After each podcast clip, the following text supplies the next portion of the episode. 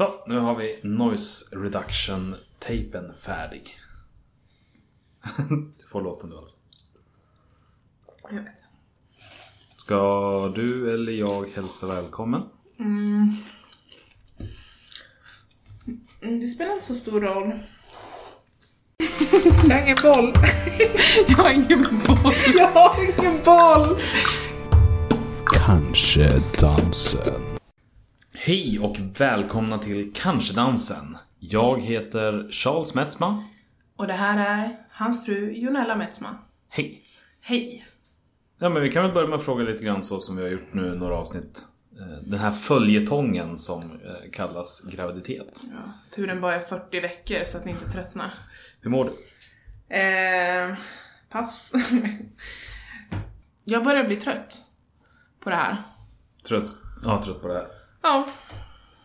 Jag tycker man har ont lite här och var och eh, de här två senaste veckorna har verkligen eh, det har varit stor skillnad. På vilket sätt? Man blev så jävla tung. Alltså jag har ju i princip inte haft några problem att röra mig mer än att jag har haft en mage i vägen. Och den har inte varit så i vägen. Nej, precis. Och sen helt plötsligt så blev den jättestor och allt blev skitjobbigt. Så känns det. Men det var väl framförallt att blygdbenet började göra ont, alltså det som Ja. kallas för foglossning. Precis. Jag har jättesvårt att vända mig. Alltså, just det benet, det har större inverkan än vad man tror. För att det gör att man liksom inte, man kan inte spänna sig hur som helst eller gör, röra sig hur som helst. För den som inte vet vart blygdbenet sitter så kan man ändå gissa sig till det på namnet. Men alltså om man tänker sig bäckenet framför sig. Så har man ju då de här två rumpbenen.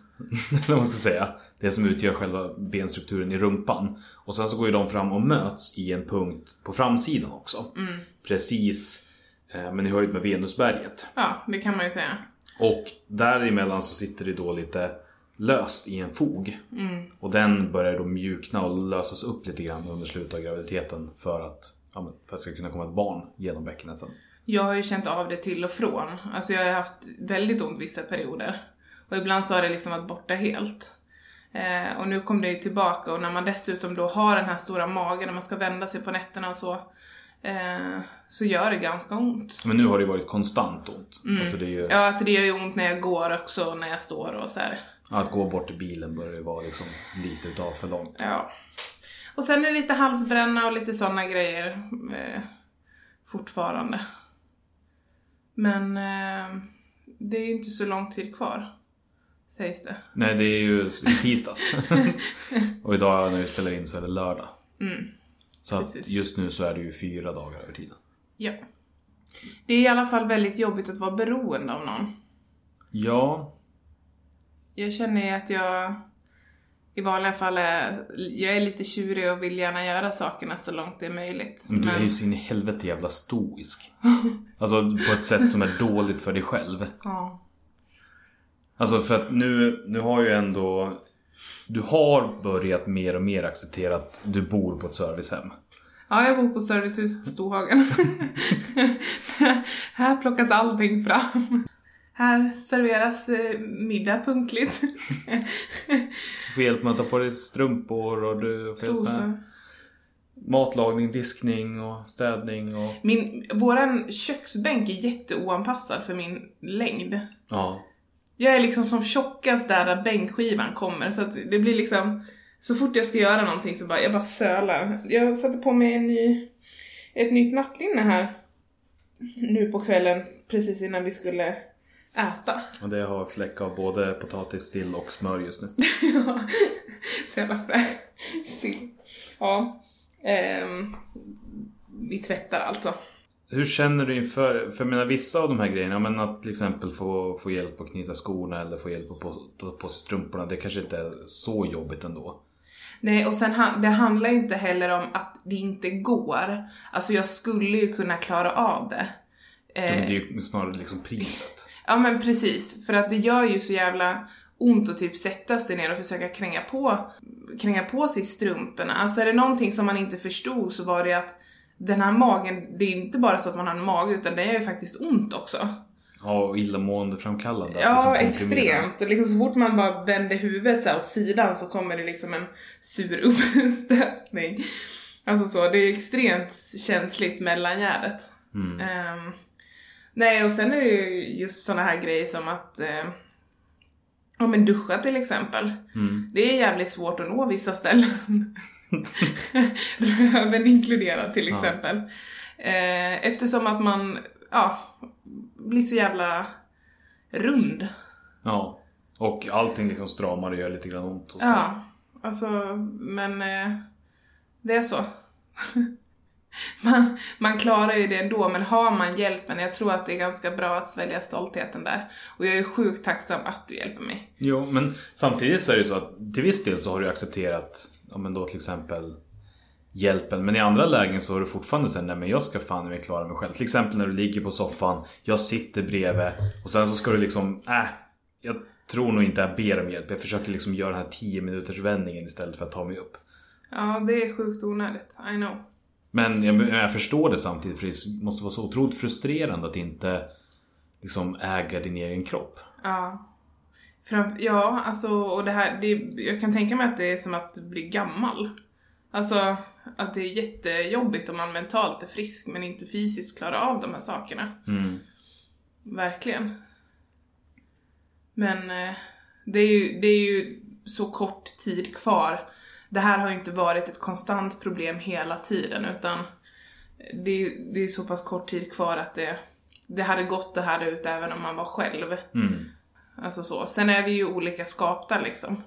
Men, men för att ta det nu så här i slutskedet då. Eh, så var det ju ändå så att, eh, vad blir det? För några dagar sedan, den 7 juni, som var en dag efter beräknad förlossning. Då var du hos barnmorskan på morgonen och mätte upp ett högt blodtryck och lite äggvita i urinen. Ja. Och det är ju inte så bra. Nej. Och det var ju så spännande för jag har ändå hållit mig hemma vid ganska mycket nu den senaste tiden och jobbat mycket hemifrån och sådär. Just för att, ja men om någonting händer. Men just den onsdagen då hade jag liksom bokat in så jag hade möten hela dagen i Stockholm för att kunna beta av liksom sådana fysiska grejer. Men då var det på morgonen där du var där.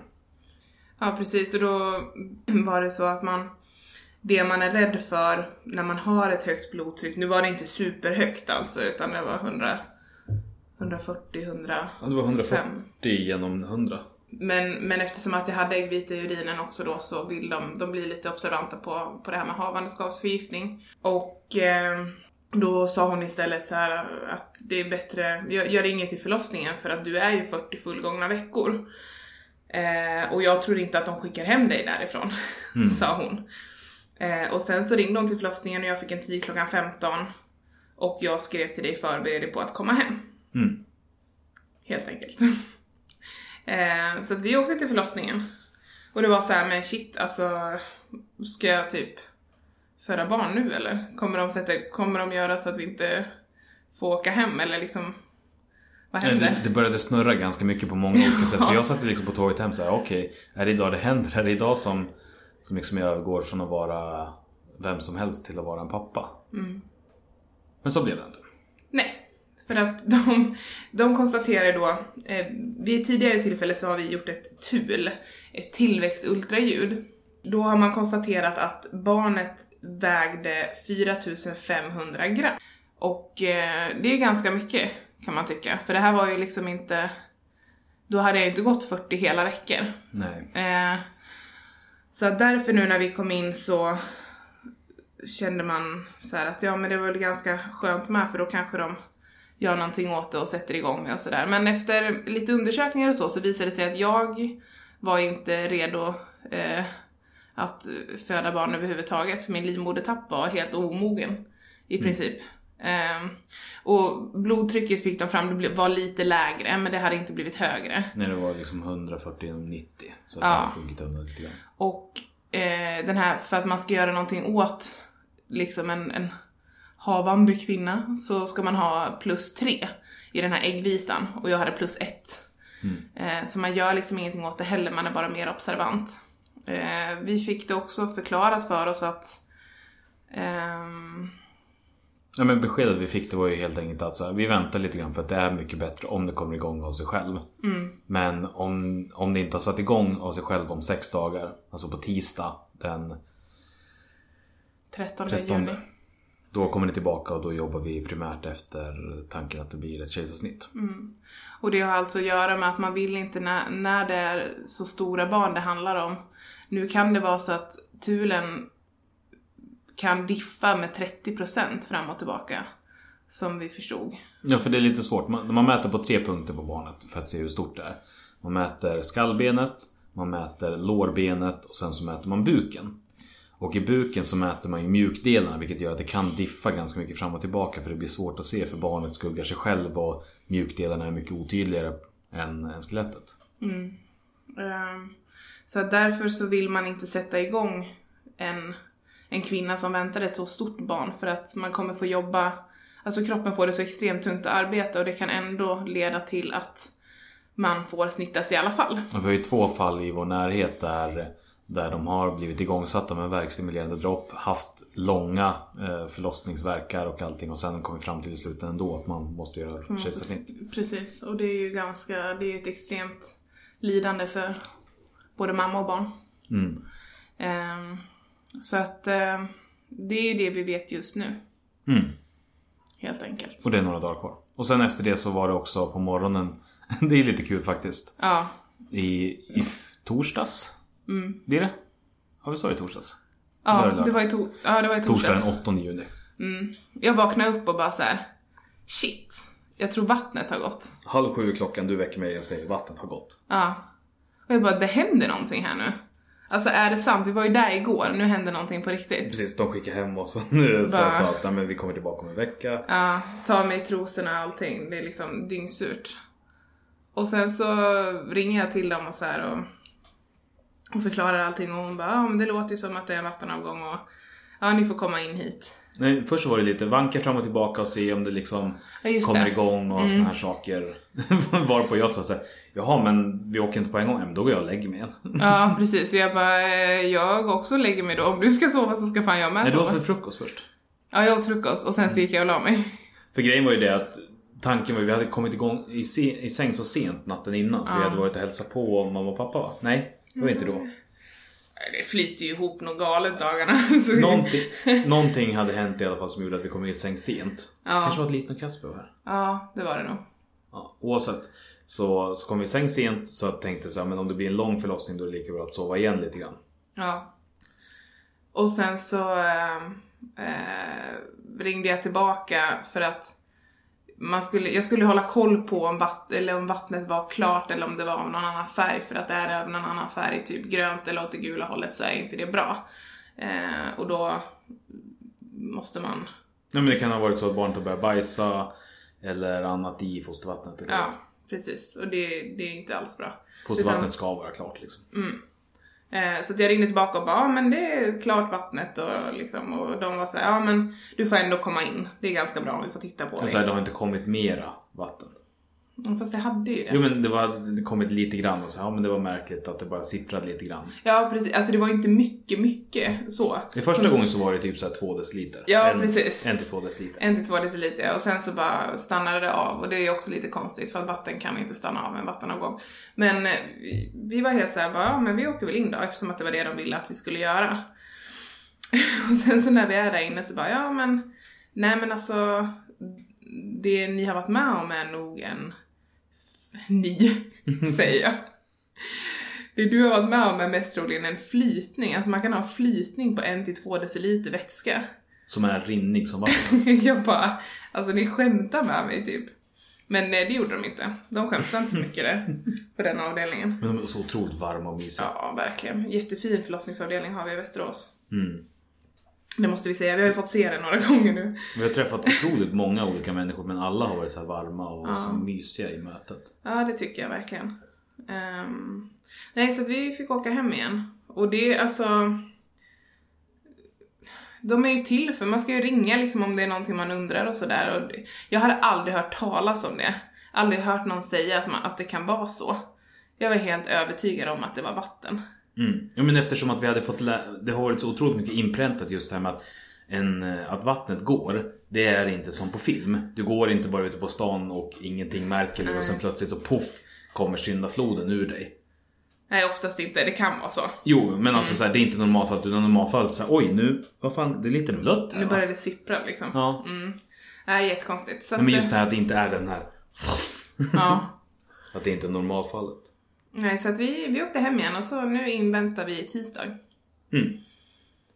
Den 13. Så får vi se vad de säger då. Om de kommer snitta eller ändra sig och sätter igång i alla fall. Jag tror, jag tror faktiskt inte de gör det. Vi märker, alltså vi har inte fått någon besked men det är för att de inte vet heller utan det kommer ju beslutas Då. då utifrån de förutsättningar och det som gäller där. Jag är i alla fall redo oavsett. Känner jag. Jag Mm. trodde aldrig jag skulle säga det men eh, det är okej. Men du har ju varit väldigt mycket så att nej men jag kommer nog aldrig bli redo. Nej, men jag är fan redo. Alltså lös det här nu. Bara, bara få mig att bli normal igen. Jag orkar inte mer. jag vill fan kunna sätta på mig mina egna strumpor och vända mig i sängen. Mm. Det, det ser jag fram emot. Och träffa mitt barn naturligtvis. Det, ska bli så, det är så märkligt att föreställa sig att vi snart kommer ha ett barn. Ja, det är jättekonstigt. Alltså att vi inte kommer vara själva längre. Det kommer ju vara fantastiskt men det är ju så surrealistiskt. Men har du liksom fattat att vi ska bli föräldrar? Nej. Och det är nog också mycket det här att man inte kan, jag kan inte föreställa mig mitt barn. Vår barnmorska har ju sagt så hela tiden att ja men det är bra att öva på andning. Eh, och att när ni gör det, att liksom försök att föreställa dig ditt barn framför dig. Så här. Rita ditt barn på en teckning. Men det är helt jävla omöjligt. Det enda, är- antingen kommer jag upp som en jävla skata liksom så som jag såg ut när jag föddes. Du är jättesöt. Nej, Jo. verkligen Jag fattar inte. inte hur du inte kan tycka det. Du som tycker att nästan alla barn är söta. Ja. Att du inte tycker att du var det. Nej, jag var inte det. Jag såg jättetufsig ut. Hård kamp. Ja, eller så får jag upp bilder av när du, när du föddes. Alltså så här bilder från när du var liten. Så att eh, det stämmer. Jag kan liksom inte skapa något nytt. Det tar stopp där. Mm. Antingen så blir det det tufsiga lilla trollet eller så blir det eh, pappa med, mm, ja, gulligt ansikte. Födas med pottfrisyr. Hade du det? Har du inte sett? Jo men de bilderna har du sett. Inte när jag var barnbarn men när jag var såhär Ja, nej, men jag, nej, jag menar din spädbarnsbild. Jaha, nej det kommer jag inte ihåg hur jag såg ut. Ja, nej. Så att eh, det är jättekonstigt. Ja, Men jag har inte heller, alltså Försöker på något sätt. Dels så tror jag inte jag har försökt jättemycket med föreställa mig det. För att jag tror att oavsett vad jag kommer fram till så kommer det inte att vara i närheten av vad som är verkligheten. Nej, nej men precis. Alltså för att det är, det är först när det faktiskt är någon liten där som som, liksom, som det går att förstå det. Och knappt då heller utan jag tror att det kommer komma långt senare ändå. Alltså det enda, det enda man hoppas på, eller det som man har i åtanke, det är hela tiden bara att man vill att barnet ska vara friskt. Mm. Det är egentligen det enda man bryr sig om. Men sen är det ju som, vi har varit inne på tidigare just att det känns så mycket som att den här gravidleken, eller så livet Ja, som vi håller på med och har liksom fastnat i som vi inte kommer loss ur. ja. Att det är det som är... Jag vet inte, för mig så känns det inte som att graviditeten är på väg till att liksom leda till ett barn längre. Nej. Det kändes, alltså, vi var mycket närmare att faktiskt ha ett barn när jag fick reda på att du var gravid Eller hur? än vad vi är nu. Det känns som att vi har backat. För nu känns det som att nu är vi snarare... det är så bearbetat men ändå inte. Ja men det, dels är det så bearbetat men också så har det blivit så mycket fast i graviditeten. För att det är så mycket kring liksom, graviditeten i sig och förlossningen och allt det här som, som har blivit viktigt att förbereda sig för. Och det är också det riktiga livet, det vet ju, det vet ju alla och förstår ju alla, det börjar ju när barnet är fött. Alltså då, då kommer ju helt andra liksom tankar komma upp, eh, alltså så som man kommer fundera på. Men det är ändå på något sätt så att man för att hålla fokus på förlossningen som i alla fall blir en väldigt omvälvande händelse för mig så kan man liksom inte se på det efteråt sen, det får man liksom ta då. Annars tror jag man blir helt knäpp. Men även om inte jag kommer ha någon fysiska upplevelse så tror jag att det kommer vara en omvälvande period för mig med. Det tror jag också. Så att vi har ju haft mycket gemensamma liksom, samtal och förberedelser Mm. inför det hela. Så hur ska vi agera? Hur vill du ha det? Mm. Eh, vad, om situationen här händer, vad kommer vara då? Ja, men du, du är väldigt stödjande. Nej men Alltså, jag så. tänker att just också de gemensamma samtalen, inte bara det att jag stödjer utan att, eh, att vi, vi gemensamt har fokuserat så mycket på förlossningen. Ja, jo, absolut. För att den ska bli så bra som möjligt. Och på något sätt så är ju det, det är ju en kulle man ska över. På ett eller annat vis. Och just nu så känns det ju som att den, den kullen är lättare att, att bestiga än tidigare. Alltså så, det är ju en mognadsprocess. Hela graviditeten är ju det. Det finns ju det finns ju en mening med att man ska, ska bli trött på det liksom. Det är lätt att skapa sig med, som om det vore meningen i alla fall. Ja, men jag fick ju faktiskt beröm utav min barnmorska. Ja, det fick du. Mm. Hon sa att jag var hennes mest positiva patient så här i slutskedet av graviditeten. Men du är ju ganska fatalistisk på det sättet. Så allt är helvete, men det är för fan ingenting att göra någonting åt. Nej, Jag vet inte om fatalistisk är rätt ord när man slänger mig med någonting Ja. som jag inte riktigt vet vad det betyder nu. Men du, du är väldigt mycket så att även om allt är åt helvete och även om allt är skit så finns det ingen mening med att inte le. Nej, men lite så. Det är ju ingen som kan hjälpa mig ur det i alla fall. Det är det hela det här handlar om. Att man måste ju gå igenom det, det är ju en del utav det. Mm. Och det är ju förlossningen med, så det är ingen annan än du själv som kan reda ut det. Ja, med stöd och hjälp från andra, absolut. Men du är fortfarande ensam om, om det kroppsliga. Jag tycker du är så jävla cool på det sättet. För att du kan både vara så att Nej, det finns ingen möjlighet att komma ur det här levande. Antagligen så kommer jag dö. Men, men jag, ska lika, jag ska ändå göra det, så det är väl lika bra. alltså att du kan ha de känslorna båda två samtidigt. Ja, ja verkligen. Men nu är jag lite såhär, jag försöker ju tänka att jag bara kommer överleva. Mm. Jag kommer inte dö. Men jag kommer heller inte leva. Nej, men vad, du hade ju tre grejer som mantra. Jag kommer inte dö. Jag måste andas. Och, vad var det sista då? Nej men gud. Smärtan är inte farlig. Nej. Nej. Det här, all, allting är ett steg närmare mitt barn. Ja, precis. Att Varje var, varje verk. verk, liksom, jag kommer aldrig kliva bakåt. Utan varje verk för mig framåt. Vilken, vilken tur att ha ett mantra som består av tre grejer som de inte kommer ihåg. det Det, det känns inte så starkt som mantra då. Det räcker egentligen om man kan det här andas och inte dö. Eller ja, egentligen räcker det om man andas. Ja. Det andra Alltså- kommer man ju märka ändå. Sjukvårdspersonalen tar hand om inte död-delen. Ja, jag får hoppas det i alla fall. Det är lite deras uppgift. Man känner sig väldigt trygg när man har varit i kontakt med dem, måste jag säga. Verkligen. Alltså, sa det nyss men de har varit så otroligt varma och mysiga att Mm. göra med det. Tycker jag. Men det här med att föreställa sig just föräldraskapet. För att jag tycker det är så spännande när jag har suttit med eh, med eh, min morbrors och hans frus barn. Som är född i februari, lite från och till. Suttit med, med honom. Just den här känslan av att dels eh, så här, men det här kan jag tänka mig, det här är nog mitt liv snart. Och också det här är verkligen så långt ifrån liksom min framtid. För det här är ju någon annans barn. Ja. Alltså just den här dualiteten i att att, det, att vara så otroligt rationellt förberedd på att jag ska bli förälder och det kommer komma barn. Också vara så emotionellt noll, eller oförstående. Ja. Och jag har jättesvårt, just de där bitarna har jag jättesvårt för, för att jag, jag upplever oftast att jag emotionellt är väldigt närvarande i allting. Alltså alla människor jag möter, jag kan liksom känna deras känslor många gånger. Så här att jag är väldigt inkännande och, och kan anpassa mig efter stämningen i rummet och så här. Men, men just den här biten, alltså jag kan inte föreställa mig den biten att, att jag kommer liksom rent emotionellt ha ett barn. Som jag liksom ska trösta och ta hand om och även om jag liksom De gångerna du har försökt så har du ju liksom börjat gå sönder av oro. Ja, lite så. För Så- all smärta Så jag, jag kommer bli, ja, helt All smärta och allt omöjligt som barn kommer att utstå. Ja. Så fort, för det har du ju ofta när vi har pratat om det här med just eh, föräldrabiten. Då har du ju redan liksom snabbspolat fram till lågstadiet, mellanstadiet, högstadiet. Fan varför blev ungen mobbad för? Varför kan jag inte göra någonting? Helvete vad världen är ond. ja, precis. Det kommer ju hända mycket på vägen dit också. Och det, det vet man ju inte. Man kan ju inte gå runt och tänka så, då blir man ju knäpp. Men, ja. Det är lätt att hamna där i alla fall. Jag har ingen val. Okej, men en sista tanke då. Kring det här med allting som har varit. Eh, Med besöken på förlossningen, tänker du? ja, för nu så har jag deltagit på ett par gynundersökningar. Ja. Eller jag vet inte om det Jag vet inte om det är det som är en gynundersökning Men alltså sånt som man brukar göra Men det har ju varit gynekologiska undersökningar Vag- vaginal undersökning tror jag till och med de kallar det. Tror du det? Ja.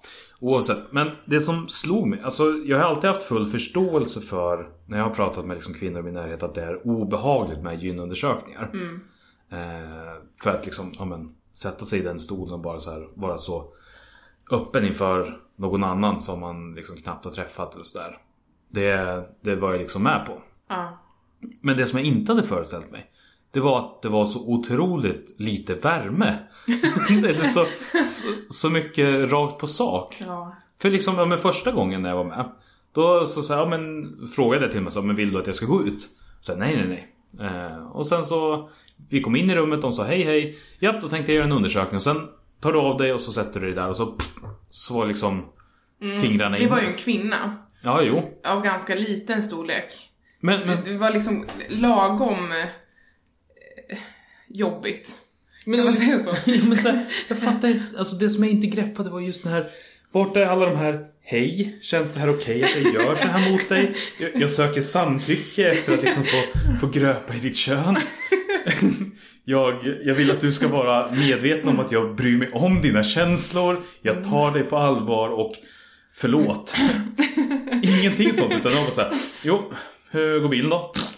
Ja, och jag kände så här, gud, det var ju... Hon var ju snäll, tänkte jag. Men det är också lite det här, jag tror också... Alltså som man så är ju ändå könsorganet ut, utåtbuktande. Och som kvinna så är det ju liksom, du måste ju ha någon som undersöker inåt. Alltså det Ja, blir jo. ju väldigt blottande det här med att lägga sig i en gynposition. Eh, men man... Det, det är liksom ingenting att tänka på. Alltså ska vi göra så här ett samtal innan kring hela den processen som komma skall, då kommer det ju aldrig... Det blir ju inte Men bra. liksom ha någon form av så här. Jag vet inte, bara, bara att någon... Du känner att hon angrep din fru? Nej, inte att hon angrep min fru. Utan att min bästa vän, det här måste vara skitjobbigt. Alltså inte det här att så, oh min fru, jag ska skydda. Oh. Utan eh, bara så här att, hur, hur kan man göra så här mot någon annan? Ja. Det här, det här är så långt ifrån en samtyckeslag som det går. Det jag ville komma med att hon var liten, jag kände att det blev inte helt tydligt där, det var ju också det att hon hade små händer. Eh, vilket gör att det blir inte så jävla brutalt. Men däremot har jag gjort tre olika undersökningar med tre olika personer, varav en en man. Och det var ju ganska, alltså han hade ju labbar som jävla, jag vet inte, dasslock. Mm. Han kunde mäta, vad heter det, hur öppen du var. Alltså den första doktorn, hon sa så ja men det är två fingrar då är det två centimeter. Han sa, ja ett finger då är det en centimeter. Ett, ett finger då är det två centimeter. Ja, helt plötsligt så betyder ju inte fingermåttet någonting när man insåg att, ja just det, det finns ju män som jobbar med det här som har skitstora händer.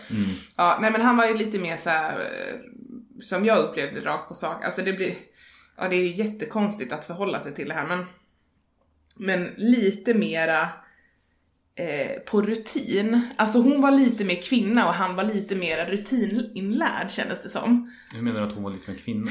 Ja men hon, hon Förstod mer vad det handlade om, att hon kunde upplevt det själv. Alltså mer så. Ja, faktiskt. Mm, det, fa- det fanns en mjukhet där som han inte hade. Ehm, och alltså jag skiter i det så. Det, det, liksom, det bekommer mig inte sådär jätte, jättemycket men att han var man. Men ehm, det, det är skillnad. Ja men det, det är klart det måste vara eftersom att man har, man vet hur det känns. Ja. Alltså har egen erfarenhet av att veta vad det handlar om. Men, men samtidigt så förstår jag också, visst jag, jag köper ju att man Att det ändå är mer rakt på sak. Jag fattar ju grejen för man kan ju liksom inte sitta och så dricka te och bli bästa vänner med alla som man ska göra en undersökning på. Det är ju bara liksom en medicinsk grej precis som alla andra grejer. Ja. Eh, Men så måste kanske inte liksom dela innersta drömmar innan. Men, men samtidigt så känns det som att man ska dit för könet är ju... Fast det finns ju också skillnad på, för som sagt, tre, tre gånger har jag ju varit med om det här. Eh, och hon som gjorde den sista undersökningen, hon var liksom så här, ja men hon drog med handen på mitt lår så att jag visste vad hon var och sa, ja men nu börjar jag, känns det okej? Ja, liksom. Mm. Och det tycker jag ändå är fint, för att jag visste hela tiden vad hennes hand var. Okej, nu kommer det här som inte är så himla behagligt. Ja men det var ju liksom det här samtyckessökandet som jag saknade från de andra där det bara var så här, Hej hej! Det låter inte så men det är det bästa. Jag kan liksom inte illustrera det. Mina fingrar i luften låter inte i radion. Nej, de gör inte det. Ja, så att det... för, och sen också att hon frågade när hon hade på ett tag så här, men känns det okej och sådär. Nej men precis, det fanns ändå en, en liten omvårdnad i hennes... Men en omtanke. Ja, Eller på något sätt erkännande av att "Ja, men det här är nog en grej. Mm. Låt oss prata lite om det. Vi måste inte bli bästa vänner innan men låt oss åtminstone ha en dialog. Ja. Nej men det, det kan jag hålla med om. Alltså jag, jag förstår precis vad det är du menar men jag tror inte att det... Det, det är mer det här som, som jag tycker att man kan göra bättre i sådana fall. Att man frågar och sen att man, att man känner handen innan liksom ingreppet. Att jag vet vad hon är. Ja men det förvånade mig bara att det var så, så, så, så betydelselöst. Mm. Och vilket det förstås är naturligt att det är. Ja. Men, men det var en förvåning. Ja, men sen är det också jättespännande hela den här biten, för jag menar om du skulle följa med mig till läkaren på vårdcentralen till exempel för att jag har problem med min ändtarm, då skulle jag mest troligen be att du gick ut. för att det känns lite så här, man behöver inte vara två vuxna och läkare i ett undersökningsrum på vårdcentralen för att ta reda på om min ändtarm mår bra eller dåligt. Fast där hade jag tyckt att det var tvärtom. Alltså, hade du? För att men det är en ändtarm? ja men den är liksom så här, det, det, det är inte alls samma laddning. Nähä, Nej. oj jätteintressant. För jag känner liksom just på förlossningen så är det så här, ja men här blottas kvinnorna totalt inför sina män. Mhm. Eller sina partners överhuvudtaget liksom, att det är någonting som man... Ja, men samtidigt, alltså det pratade vi också om. Just det här med, för jag upplevde ju första gången lite som obehaglig. Men inte alls utifrån att liksom, det handlade om att du skulle undersökas eller att det liksom handlade om ditt kön eller de bitarna. Utan snarare å läkarens väg. Ja, precis. Att jag skulle- Kasta mig till kråkorna. Nej men, alltså för att, men dig visste ju på något sätt, att du har varit med om det här, det här är liksom Alltså visst det kan finnas ett obehag men Ja, jag har tagit cellprov tidigare. Ja. Nej men du förstår ju vad jag menar. Ja, absolut att det kunde vara obehagligt för dig. Men det kände jag ju på dig att du inte tyckte. För dig känner jag, dig vet jag liksom vad det är. Där kände jag inte att det fanns någon stress utan det var bara ett lugn. Utan så här, ja nu händer det här och vappa, vappa, da. Inga konstigheter liksom. Men, men situationen var ändå obehaglig. Men det var inte för att jag tyckte att den var det utan det var för att jag kände obehag och läkarens vägnar. för att jag satt där. Alltså för att en sak är ju så man jobbar med sköten. Liksom. Jo men just det här att eh, för det så är det bara, för läkaren så är det bara en dag på jobbet vilken som helst. Men Ja. hon, har ingen, eller hon eller han har ingen som helst aning om vem jag är.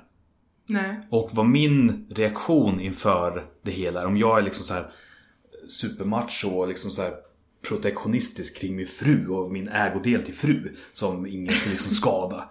Eller, så där, eller hur jag reagerar på det. Så att jag kände obehag på den vägen. Jag- känner mer så här att ja, men det är ju de som har valt att jobba med, med det. Alltså, de har ju själva specialiserat sig inom gynekologi. Jo men de har inte valt att jag ska sitta där bredvid. Nej, fast det känns ändå som att om du befinner dig, jobbar på förlossningsavdelningen så får du hantera både män och kvinnor. Fast det måste ändå vara ganska nypåfunnet ändå. Eftersom att män inte har varit involverade i förlossningen överhuvudtaget särskilt länge. Nej, fast vi pratar ju ändå, våra pappor var ju med på förlossningen. Ja, jo. Alltså, vi, vi, jag förstår Okej, vad du menar perspektiv men... inte så. Nej, nej faktiskt inte. Men det är ju, ja. Nej, det, det är speciellt, men det på något sätt så är det så här. Man, det är när man får, samma sak som när man får det här cellprovsbrevet hemskickat eller hur det nu kommer, den här tiden bokad. Att det är ju bara att inse att ja, men jag är vuxen nu, det är bara att gå dit. Alltså man får bara liksom bita ihop och göra det. Det är ingen som tycker det är roligt. Det är inte kul att gå på mammografi heller gissar jag. Nej. Ehm, men det är ju samma sak här, jag menar nästan alla kvinnor får ju barn. Och då är det här någonting som man måste gå igenom. Ja. Så ja, det är inte liksom best day of my life gånger tre. men, men eh, ja, man kanske blir mentalt starkare av såna här undersökningar. Ja. De säger ju inte heller fan vad ful den är. Nej. Det känner jag inte heller, men, men jag menar bara att det känns ju ändå som att man har vunnit lite när man drar på sig kläderna. Ja, ja det var det. Jag har ingen val. Och förresten, ju, det kan jag slänga in som en parentes så här på slutet. Att för några avsnitt sen så pratade vi, så, så ställde jag frågan till dig om du inte tyckte att det här med skrev var ett obehagligt ord. Ja. Och då sa du nej, det vet jag inte. Men sen så kom jag på det i efterhand, till sköte. Ja, det är det. Det är sköte som jag inte eh, har så mycket för. Vad tycker, du tycker fortfarande att sköte är obehagligt? Ja, men obehagligt? Vadå sköte? Sköte själv säger jag. Nej, det är veckans visdomsord. ja, det är det faktiskt. Vadå sköte, sköt dig själv? Ja, just det. Det, det är det. Vi, vi hörs. Hej. Jag har ingen boll. Jag har ingen boll. Jag har ingen boll. Kanske dansen.